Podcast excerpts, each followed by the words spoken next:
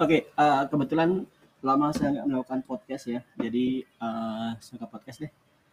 Uh, teman-teman, uh, sedikit bocoran um, remote work Indonesia. saya Eko. Saya sedang susun suatu buku untuk remote work yang saya beri judul Remote Work Totally Worth Fighting For. Jadi um, kata-kata ini itu penanda bahwasanya untuk nembus remote work itu ada effort dong, ada effortnya. Jadi uh, effort dari suatu pekerjaan untuk kamu bisa nembus remote work itu nggak main-main. Uh, kamu bisa butuh waktu several days, weeks, months, or years untuk bisa nembus remote work.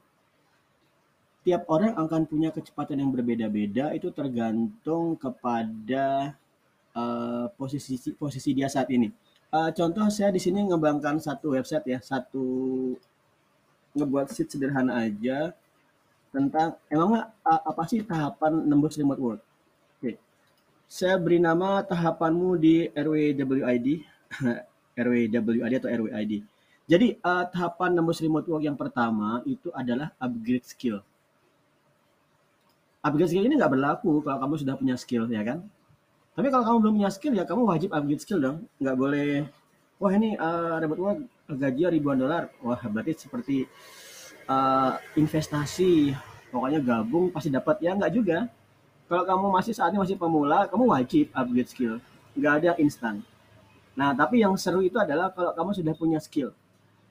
Sudah punya skill di bidang IT yang bisa kamu jual dan ada demand-nya di remote work. Yang harus kamu perhatikan, uh, demand di sini itu bukan berarti seperti ini teman-teman. Bisa aja loh kamu join, uh, bisa aja loh kamu sudah kerja, sudah kerja dan kamu sudah punya pengalaman belasan tahun di suatu pekerjaan itu dan kamu expert di bidangnya. Tapi begitu kamu keluar, mungkin kamu harus belajar dari nol lagi. Kenapa? Karena skill selama belasan tahun itu skillnya sifatnya in-house. In-house itu um, buatan sendiri yang nggak punya standarnya di luar, sehingga kalau kamu mau mengerjakan sesuatu solusi di luar itu kamu harus belajar lagi dari awal. Nah, misalnya apa itu? Misalnya gini, kalau misalnya uh, salah satu perusahaan di Jogja atau sebut nama aja ya. Saya dulu kerja di Gama Tekno, Gama Tekno Jogja. Mereka tuh punya solusi namanya GTFW, Gama Tekno Framework. Itu keren banget, bisa menyelesaikan banyak permasalahan uh, web development yang untuk kebutuhan perusahaan.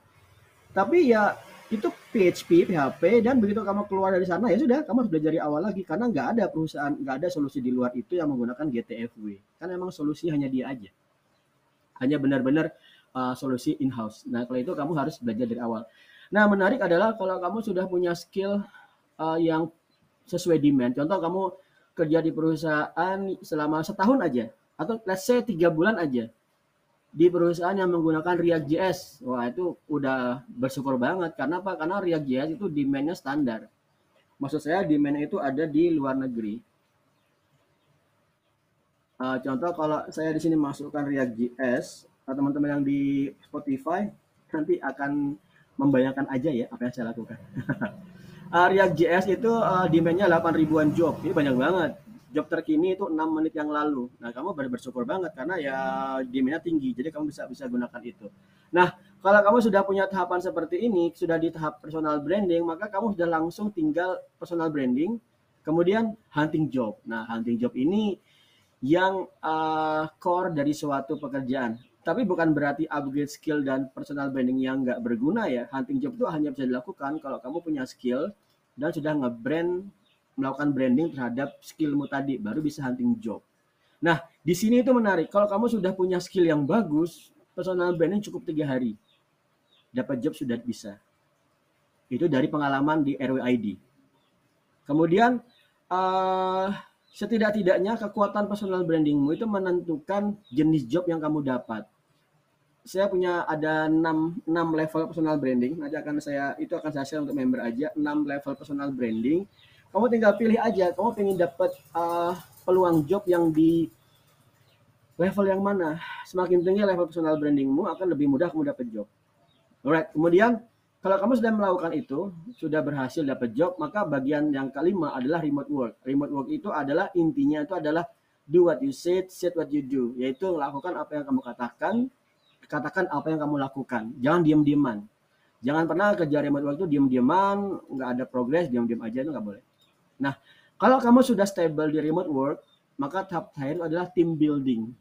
Team building itu intinya adalah delegasi pekerjaan. Delegasi pekerjaan itu ya ada job masuk, kamu sudah overload, ada job masuk lagi, jangan ditolak, tapi bangun tim di atas pekerjaanmu itu, kalian nggak perlu tahu atau perlu tahu, itu diatur aja seperti apa jenis jobnya, untuk kamu delegasikan. Kamu bisa punya gaji buta di sini. Misalnya satu job uh, 3000 uh, sekitar 30 juta, kamu bisa ambil tim aja ngejakin 10 juta, kamu dapat 20 juta, itu masuk akal. Itu biasa. Itu menarik. Nah, kalau itu sudah penuhi, kamu bisa berarti udah membangun startupmu sendiri. Jadi ada satu, dua, tiga, empat, lima, enam. Ada enam ya tahapan remote work. Nah, yang ingin saya sampaikan di sini, tahapan-tahapan ini butuh butuh perjuangan. Nggak ada yang instan. Nah, terus pertanyaannya, buat apa saya bersusah payah melakukan semua itu? Nah, itu dia. Itu adalah esensi dari uh, buku remote work yang sedang saya susun, yaitu remote work totally worth fighting for. Karena itu worth banget untuk diperjuangkan remote work itu uh, saya berani mengatakan itu worth untuk diperjuangkan. Berharga banget diperjuangkan. Pertama, kamu di rumah aja.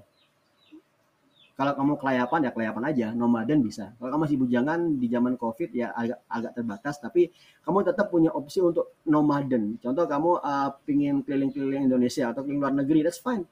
Kalau aman ya, kamu bisa melakukan itu. Nggak ada terikat ruang tuh nggak ada Bayangkan kalau kamu memilih pekerjaan di Jakarta, ya udah kamu di Jakarta, kamu nggak bisa memilih mau kelayapan ke misalnya ke uh, ke Irian Jaya misalnya Raja Ampat nggak bisa karena kamu sudah terikat di kantormu.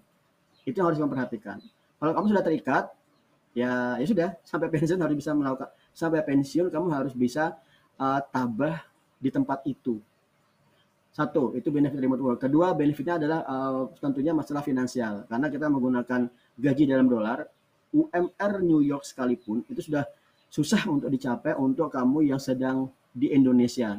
UMR UMR di New York itu saya buka aja UMR New York ya. saya ingin bahkan nyari UMR New York. Uh, 15 dolar per jam. Oke, okay? 15 dolar per jam kalau kamu kalkulasi dalam full time 15 dolar full time itu adalah 148 jam per hari kamu kali 5 jam 5 hari per minggu kamu kali 4 minggu per bulan eh salah kayak 15 dolar kamu kali 160 15 dolar kamu kali 160 ya. Per bulan kamu dapat 2400 kemudian kamu kali 14.000 arah 33 juta. Nah secara finansial kejar remote work angka 33 juta itu biasa aja. Karena apa? Karena orang Amerika nggak gaji kamu segitu ya mereka gaji petugas kebersihan aja padahal kamu programmer ya kan? Dan programmer itu bukan UMR 100 berapa ya? 160 dolar atau 300 dolar antara itu per hour kerjaan remote work itu. Nah, karena itu kalau kamu sudah bisa uh, menempuh semua ini tahapan-tahapan di remote work yang sudah saya sebut ini, maka minimal dua tadi itu kamu capai, yaitu uh, nggak terikat ruang, nggak terikat uh, UMR-mu. Nah, yang terakhir ini sebenarnya hal yang utama yaitu kamu bisa punya karena kamu di rumah ya nggak terikat uang ya nggak mesti harus PP ke kantor. Kamu punya waktu yang luar biasa ekstra untuk keluargamu untuk dirimu dan keluargamu. Saya bilang dirimu dulu kemudian untuk keluargamu.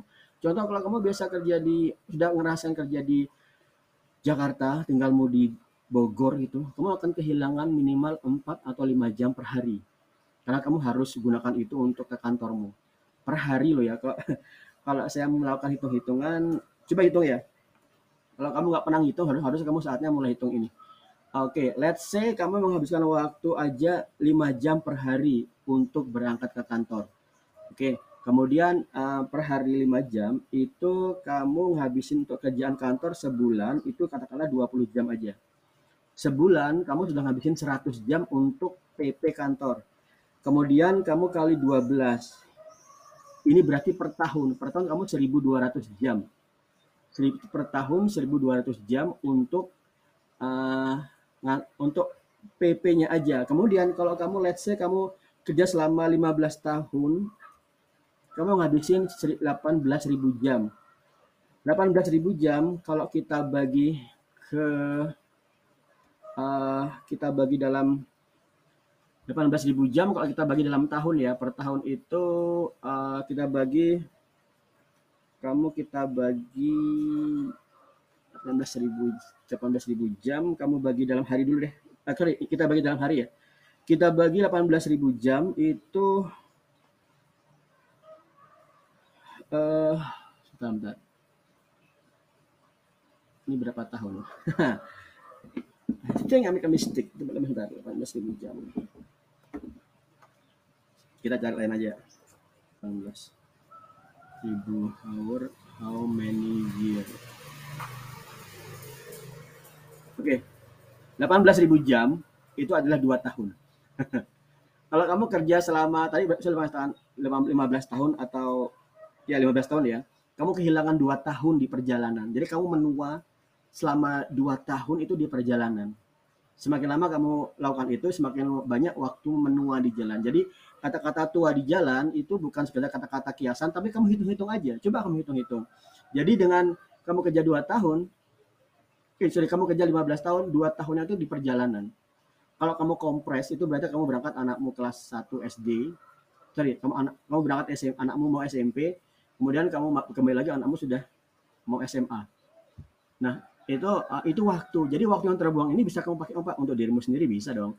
5 jam per hari kalau misalnya untuk main game, capoeira uh, dan lain sebagainya atau atau hobi-hobimu. Nah, karena kamu di rumah, selain itu kamu pakai dirimu sendiri, tentunya itu adalah untuk uh, untuk keluargamu. Bayangkan kamu bisa melihat anakmu tumbuh kembang. Kalau kamu tinggal di Depok, kerja di Jakarta, chance-nya adalah kamu melihat anakmu berangkat masih tidur, kamu pulang sudah tidur. Nggak percaya? Coba aja lakukan. Sekarang aja, sekarang aja kamu bayangkan atau atau kamu mungkin sudah nggak ngebayangkan lagi ya sudah ngerasain sendiri saya seperti itu. Nah teman-teman di usiamu yang masih 20-an, be careful with what you choose. Hati-hati dengan apa yang kamu pilih. Mungkin sekali kamu pilih, kamu nggak akan bisa kembali lagi loh. Nah, ini saya nggak nakut-nakutin ya. Cuman bayangkan kalau kamu berada di persimpangan. Usiamu ada di persimpangan. Kerja sebagai pekerja onsite, atau pekerja remote, pedalamin skill dulu pekerja remote. Boleh jadi kamu tiba-tiba setelah kamu lakukan pekerjaan onsite, kamu ngerasa sudah mulai kepayahan, nggak bisa ngebayangin lagi untuk backtrack dan memulai pekerjaan remote. Mungkin ya itu, itu mungkin. Tapi bisa nggak kalau sudah kerja onsite, pilih kerja remote? Bisa. Kalau apa? Kalau yang kamu pelajari itu sesuai demand-nya. Seperti saya sampaikan tadi, kamu React JS aja, onsite aja satu tahun aja. Atau ya enam bulan lah itu mau kerja remote gampang banget. Yang, yang ribet adalah kamu kerja onsite yang nggak ada hubungan nggak ada demandnya di remote work itu panjang banget ceritanya. Kamu harus nyiapin dana kemudian kamu harus pelajarin dari awal dan mempelajari dari awal kalau kamu udah sibuk itu nggak mudah. Oke? Nah karena itu saya bilang di buku saya yang baru OTW itu adalah remote work totally worth fighting for. Karena chance-nya adalah kamu bisa mendapat kebebasan waktu kekuatan finansial penambahan waktu untuk dirimu sendiri, dan terakhir adalah tentunya bisa melihat anakmu tumbuh kembang. Oke, okay, uh, oke, okay, aja. Semoga insight ini bisa memberikan uh, gambaran ke kalian bahwasanya uh, kerja remote itu nggak main-main ya. Saya ngebangun RWAD itu nggak main-main. Karena itu akan bisa mengubah hidupmu. Ya begitu. Semoga bermanfaat. Terima kasih.